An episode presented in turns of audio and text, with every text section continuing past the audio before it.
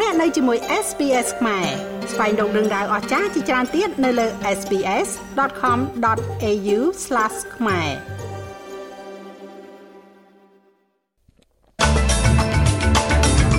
ហេរ៉ាញឹកសហព័ន្ធលោក Jim Chambers កំពុងព្រមានថាអូស្ត្រាលីពុំមានភាពស៊ាំពីជំងឺសេដ្ឋកិច្ចសកលទេអនុរដ្ឋមន្ត្រីការបរទេសចិនជួបពិភាក្សាជាមួយមន្ត្រីជាន់ខ្ពស់នៃក្រសួងការបរទេសអូស្ត្រាលីនៅទីក្រុង Canberra ថ្ងៃនេះ។ ក្រុម Matilda ស្ថាតជ័យជំនះរបស់ខ្លួនទៅលើក្រុមអង់គ្លេសគឺជាគន្លឹះដ៏ល្អសម្រាប់ការប្រកួត World Cup នៅក្នុងប្រទេសអូស្ត្រាលីលោកហេរ៉ាញឹកសហព័ន្ធ Jim Chambers កំពុងតែព្រមានថាអូស្ត្រាលីពុំមានភាពស៊ាំពីជំងឺសេដ្ឋកិច្ចសកលនោះទេប៉ុន្តែកំពុងស្ថិតនៅលើផ្លូវដើម្បីជៀសវាងវិបត្តិសេដ្ឋកិច្ច លោកបណ្ឌិត Chambers នឹងធ្វើដំណើរទៅសហរដ្ឋអាមេរិកនៅថ្ងៃនេះដើម្បីចូលរួមនៅក្នុងកិច្ចប្រជុំសេដ្ឋកិច្ចអន្តរជាតិដែលពាក់ព័ន្ធទៅនឹងធនាគារពិភពលោកនិងមូលនិធិរូបិយវត្ថុអន្តរជាតិ IMF មូលនិធិរូបិយវត្ថុអន្តរជាតិកំពុងតែព្យាករណ៍ថាផលិតផលក្នុងស្រុកសរុបរបស់ប្រទេសអូស្ត្រាលីនឹងនៅត្រឹងបន្តិចដែលបានចុះបញ្ជីកំណើនត្រឹមតែ1.6%នៅឆ្នាំ2023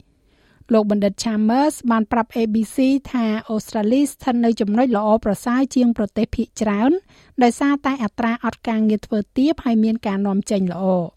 ប៉ុន្តែលោកព្យា Oliver Gurinchas ប្រធានសេដ្ឋវិទូនៃមូលនិធិរូបិយវត្ថុអន្តរជាតិមានប្រសាសន៍ថាដូចគ្នានឹងលោកបណ្ឌិត Chambers ដែរគឺប្រឈមមុខទៅនឹងស្ថានភាពដ៏លំបាកមួយ។ យើងកំពុងឈានចូលដល់ដំណាក់កាលដ៏លំបាកមួយក្នុងអំឡុងពេលដែលកំណើនសេដ្ឋកិច្ចនៅតែមានកម្រិតទាបតាមស្តង់ដារប្រវត្តិសាស្ត្រហានិភ័យផ្នែកហិរញ្ញវត្ថុបានកើនឡើងប៉ុន្តែអតិផរណាមិនទាន់បានបកត្រឡប់មកវិញនៅឡើយទេអ្នកបង្កើតគោលនយោបាយនឹងត្រូវការដៃថេនិងការទំនាក់ទំនងច្បាស់លាស់ លោកហេរ៉ាញឹក Jim Chambers មានប្រសាសន៍ថារដ្ឋាភិបាលសហព័ន្ធកំពុងតែសម្លឹងមើលជំរើសជាច្រើន ដែលត្រូវបានស្នើឡើងក្នុងគោលបំណងកាត់បន្ថយការចំណាយវិទ្យាស្ថាន Grantham បានបង្ហាញជំរើសមួយចំនួន ទាំងជំរើសភ្លាមៗនិងជំរើសរយៈពេលវែងដែលនឹងជួយទប់ទល់អនុភាពថវិកា ក្នុងចំណោមនោះមានការណែនាំឲ្យលុបចោលកិច្ចព្រមព្រៀងពិសេសដែលប្រជាជននៅរដ្ឋអូស្ត្រាលីខាងត្បូងទទួលបានទៅលើប្រាក់ចំណូល GST និងកាត់បន្ថយការចំណាយទៅលើការផ្សាយពាណិជ្ជកម្មនិងអ្វីដែលវាចាត់ទុកថាជាជំនួយនយោបាយលោក Heranyck Chambers បានប្រាប់ ABC ថារដ្ឋាភិបាលកំពុងតែសម្លឹងមើលជំរើសនៃកំណែតម្រង់ពន្ធលើការជួលធនធានប្រេង។ លោកនិយាយថាក្រសួងរដ្ឋាភិបាលកំពុងពិនិត្យមើលរបៀបដែលខ្លួនអនុវត្តចំពោះអ្នកផលិតឧស្ម័នវិជាស្ថាន Grantham កំពុងព្រមានថាអូស្ត្រាលីកំពុងស្ថិតនៅលើផ្លូវសម្រាប់អនុភាពថាវិការ25ឆ្នាំដោយគ្មានវិធានការជាបន្ទាន់កញ្ចប់ថាវិការសហព័ន្ធនឹងត្រូវប្រគល់នៅថ្ងៃទី9ខែឧសភាខាងមុខនេះ។ គណៈបកប្រឆាំងសហព័ន្ធក៏កំពុងតែសម្ដែងការព្រួយបារម្ភថាលោកនាយករដ្ឋមន្ត្រីអាចនឹងបែកខ្នងដាក់ឱកាសក្នុងការចូលរួមកិច្ចប្រជុំកំពូលសន្តិសុខរបស់អង្គការ NATO កាសែត Sydney Morning Herald និង The Age កំពុងរាយការណ៍ថាលោកនាយករដ្ឋមន្ត្រី Anthony Albanese បានបដិសេធការអញ្ជើញចូលរួមកិច្ចប្រជុំកំពូលរបស់អង្គការ NATO ដែលនឹងប្រារព្ធឡើងនៅប្រទេសលីទុយអានីក្នុងខែកក្កដា លោក Simon Birmingham អ្នកនាំពាក្យកិច្ចការបរទេសរបស់គណៈបកប្រឆាំងមានប្រសាសន៍ថាការប្រងើយកន្តើយនេះនឹងប្រថុយទៅនឹងការចុះខ្សោយភាពជាដៃគូសំខាន់សំខាន់របស់អូស្ត្រាលីលោក Birmingham មានបាននិយាយថាសេចក្តីអញ្ជើញដែលត្រូវបានពង្រីកទៅកាន់ប្រទេសអូស្ត្រាលីជប៉ុនកូរ៉េនិងនូវែលសេឡង់បានបង្ហាញពីឆន្ទៈរបស់អង្គការ NATO ក្នុងការចូលរួមជាមួយនឹងតំបន់អាស៊ីប៉ាស៊ីហ្វិក លោក Albanese កំពុងសុំច្បាប់ឈប់សម្រាកកាយហើយមិនបានបញ្ជាក់ពីគម្រោងធ្វើដំណើរណាមួយទេក្រុមឃ្លាំមើលអ្នកប្រើប្រាស់ចង់ឲ្យច្បាប់នៃការច្របាច់ក្រុមហ៊ុនបញ្ចូលគ្នាកាន់តែតឹងតែងដើម្បីបញ្ឈប់ការរួមបញ្ចូលគ្នាដែលមិនអាចប្រកួតប្រជែងបាន ដែលនៅទីបំផុតក្រុមហ៊ុនដែលលេចធ្លោស្ថិតនៅក្នុងទីតាំងមួយដែលអាចកំណត់ថ្លៃតាមចិត្តគណៈ ប្រធានគណៈកម្មការប្រកួតប្រជែងនឹងអ្នកប្រើប្រាស់អូស្ត្រាលីគឺលោកស្រី Gina Casgotiblade បានទទួលយកការទទួលខុសត្រូវបន្តពីអ្នកកាន់តំណែងមុនរបស់គាត់គឺលោក Rod Sims ដែលបានតស៊ូមតិជាយូរមកហើយសម្រាប់កំណែទម្រង់ក្នុងការច្របាច់បញ្ចូលគ្នានៃច្បាប់ដើម្បីលើកទឹកចិត្តដល់ការប្រកួតប្រជែងនេះកំណែទម្រង់ការច្របាច់បញ្ចូលគ្នានេះនឹងរារាំងក្រុមហ៊ុននានាពីការត្រួតត្រាទីផ្សារទាំងស្រុង ដោយមិនមានសម្ពាធប្រកួតប្រជែងដែលរក្សាថ្លៃដែលអ្នកប្រើប្រាស់ចង់បានថ្លែងនៅឯក្លឹបសារព័ត៌មានជាតិលោកស្រីសំទោស Khas Gotsibre បានអំពាវនាវឲ្យមានគំរូមួយដែលនឹងបង្ខំឲ្យក្រុមហ៊ុនច្របាច់បញ្ចូលគ្នា ស្នើសុំកិច្ចព្រមព្រៀងកាន់កាប់ជាមួយនឹងនាយត្តករសម្រាប់ការអនុម័តជាជាមុនសិន The ACCC needs to have the tools necessary ACCC ចាំបាច់ត្រូវមានឧបករណ៍ចាំបាច់ដើម្បីអាចពិនិត្យឲ្យបានត្រឹមត្រូវហើយប្រសិនបើចាំបាច់ទប់ស្កាត់ការច្របាច់បញ្ចូលគ្នាទាំងនោះដែលទំនងជាការកាត់បន្ថយប្រកួតប្រជែងយ៉ាងខ្លាំងបើគ្មានឧបករណ៍ទាំងនេះទេទីផ្សារមួយចំនួនគឺងាយរងផលប៉ះពាល់យ៉ាងធ្ងន់ធ្ងរដោយការរួមបញ្ចូលគ្នាបន្ថែមទៀត។ នៅពេលនេះប្រសិនបើ ACCC ជឿថាការរួមបញ្ចូលគ្នាអាចបណ្ដាលឲ្យក្រុមហ៊ុនទទួលបានអំណាចទីផ្សារខ្លាំងពេកនាយកតកត្រូវតែយកករណីនោះឡើងទៅតុលាការសហព័ន្ធ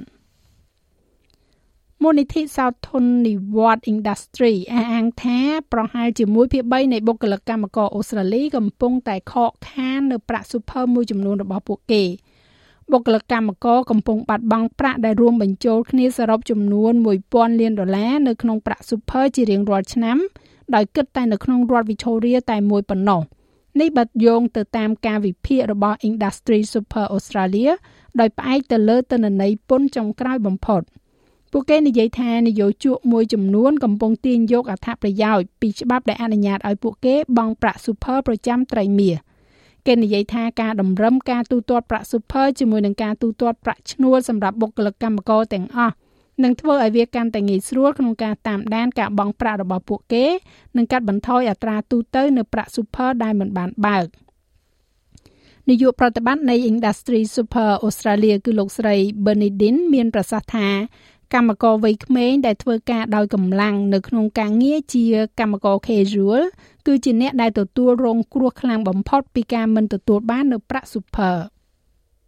Now these are the people that can least afford ឥឡូវនេះអ្នកទាំងនេះគឺជាមនុស្សដែលមានលទ្ធភាពតិចតួចបំផុតដែលត្រូវបានបង់ប្រាក់ super ពីព្រោះប្រសិនបើអ្នកខកខាននៅចំនួនតិចតួចទាំងនោះនៅដើមដំបូងនៃអាជីពការងាររបស់អ្នក វាគឺជាចំនួនតិចតួចដែលពិតជានឹងកើនឡើងតាមរយៈការប្រាក់ត្រួតឲ្យទៅជាកន្ត្រកដែលមានទំហំធំមួយហើយប្រសិនបើអ្នកមិនទទួលបានវាទេនោះកន្ត្រករបស់អ្នកនឹងមានទំហំតូចជាងនេះអនុរដ្ឋមន្ត្រីការបរទេសចិនលោកម៉ា ចាវស៊ូនឹងជួបពិភាក្សាជាមួយនឹងមន្ត្រីជាន់ខ្ពស់នៃក្រសួងការបរទេសអូស្ត្រាលី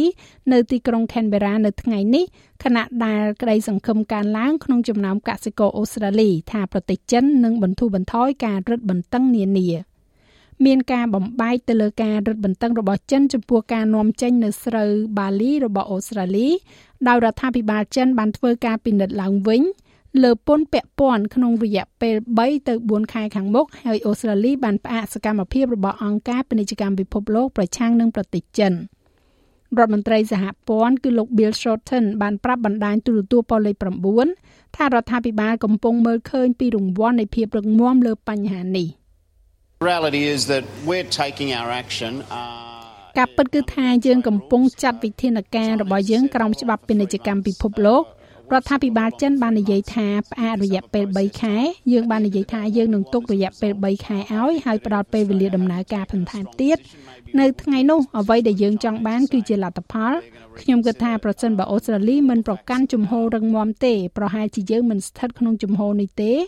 ទីដែលចិនកំពុងនិយាយថាពួកគេនឹងពិចារណាឡើងវិញហើយពិនិត្យមើលការពិតទាំងអស់នៃបញ្ហានេះ។ សហព័ន្ធកសិករជាតិនិយាយថាឥឡូវនេះវាអាចទៅរួចដែលទំនិញរបស់អូស្ត្រាលីផ្សេងទៀតដែលត្រូវបានកំណត់ពន្ធដោយច្រើនលើសលប់នោះអាចត្រូវបានដាក់ចូលទីផ្សារប្រទេសចិនឡើងវិញដោយគ្មានការពិន័យបែបនេះនាពេលអនាគតសភាជាន់ខ្ពស់របស់ប្រទេស Swiss បានបោះឆ្នោតអនុម័តបកត្រឡប់ក្រោយវិញចំពោះការធានាផ្នែកហិរញ្ញវត្ថុជាង180ពាន់លានដុល្លារដើម្បីជួយសង្គ្រោះធនាគារវិនិយោគ Credit Suisse បន្ទាប់ពីការជជែកពិភាក្សាគ្នាយ៉ាងក្តៅគគុកសភាស្វីសបានកោះប្រជុំវិសាមញ្ញដ៏កម្រមួយដើម្បីបោះឆ្នោតលើបញ្ហានេះសភាជាន់ទាបឥឡូវនេះត្រូវតែបោះឆ្នោតលើបញ្ហានេះប៉ុន្តែការបោះឆ្នោតរបស់ខ្លួនគ្រាន់តែជានិមិត្តរូបដោយសាររដ្ឋាភិបាលបានបញ្ញាផ្ដល់ថវិកាសម្រាប់ការជួយសង្គ្រោះរួចទៅហើយប្រធានាធិបតីស្វីសគឺលោក Alan Berset មានប្រសាសន៍ថា ការសម្រេចចិត្តនេះមានសារៈសំខាន់ណាស់នៅក្នុងការសង្គ្រោះកេរ្តិ៍ឈ្មោះនៃសេដ្ឋកិច្ចស្វីស Une faillite du Crédit Suisse aurait eu des conséquences ការខ្សែធនរបស់ Credit Suisse នឹងមានផលវិបាកដ៏មហន្តរាយសម្រាប់ប្រទេសនេះសម្រាប់ក្រុមហ៊ុនជាច្រើនសម្រាប់អតិថិជនឯកជនប៉ុន្តែក៏សម្រាប់គេឈ្មោះរបស់ប្រទេសស្វីសផងដែរដូច្នេះក្នុងបរិបទនេះយើងត្រូវតែធ្វើសកម្មភាពឲ្យបានលឿន ក្រុមប្រឹក្សាសហព័ន្ធត្រូវប្រើច្បាប់គ្រាអាសន្ន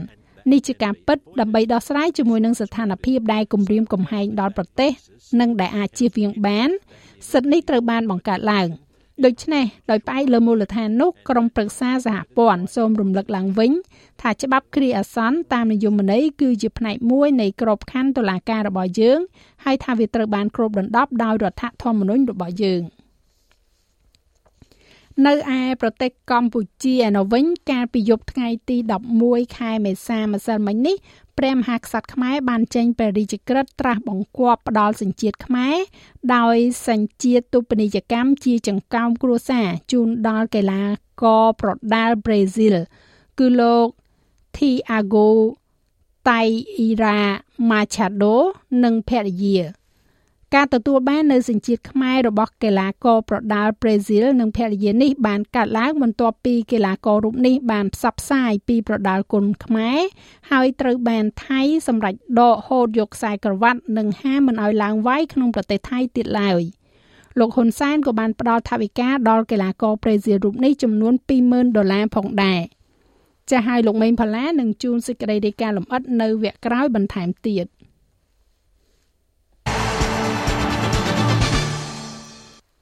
នៅក្នុងការប្រកួតកីឡាបាល់ទាត់ក្រុម Matildas កំពុងនិយាយអំពីជ័យជំនះរបស់ពួកគេទៅលើក្រុមអង់គ្លេសថាជាគន្លឹះដ៏ល្អសម្រាប់យុទ្ធនាការ World Cup នៅក្នុងប្រទេសរបស់ខ្លួនឈានចូលដល់ការប្រកួតនៅព្រឹកមិញនេះនៅទីក្រុងឡុងក្រុមអង់គ្លេសគឺជាក្រុមម្ចាស់ជើងឯកទ្វីបអឺរ៉ុបដែលកំពុងគ្រងតំណែងហើយស្ថិតនៅលើការប្រកួតដែលមិនចាញ់សោះចំនួន30ប្រកួត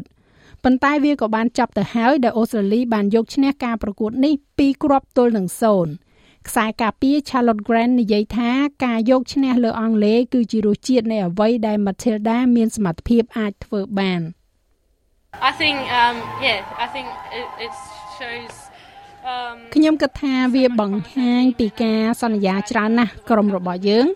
ហើយខ្ញុំគិតថាវាពិតជារំភើបណាស់ដែលបានទៅ World Cup ជាមួយនឹងជ័យជំនះបែបនេះហើយខ្ញុំពិតជាទន្ទឹងរង់ចាំការប្រកួត World Cup ប្រទេសអូស្ត្រាលីនិងនូវែលសេឡង់នឹងធ្វើជាម្ចាស់ផ្ទះការប្រកួតបាល់ទាត់ពិភពលោកនារី Women's World Cup នៅក្នុងខែកក្កដានិងខែសីហានេះ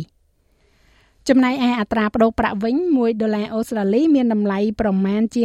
66សេនកន្លះដុល្លារអាមេរិកត្រូវនឹង2700រៀលប្រាក់រៀលខ្មែរ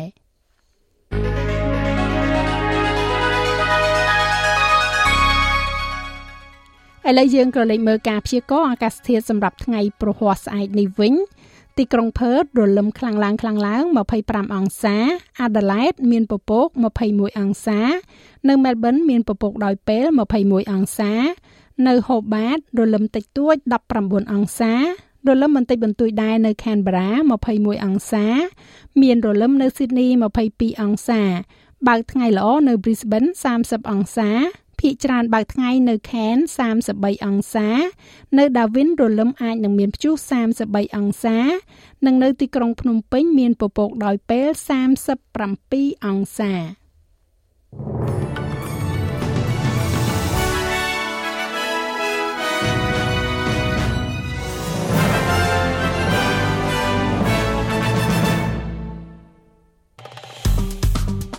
ចុច like share comment និង follow SBS ខ្មែរនៅលើ Facebook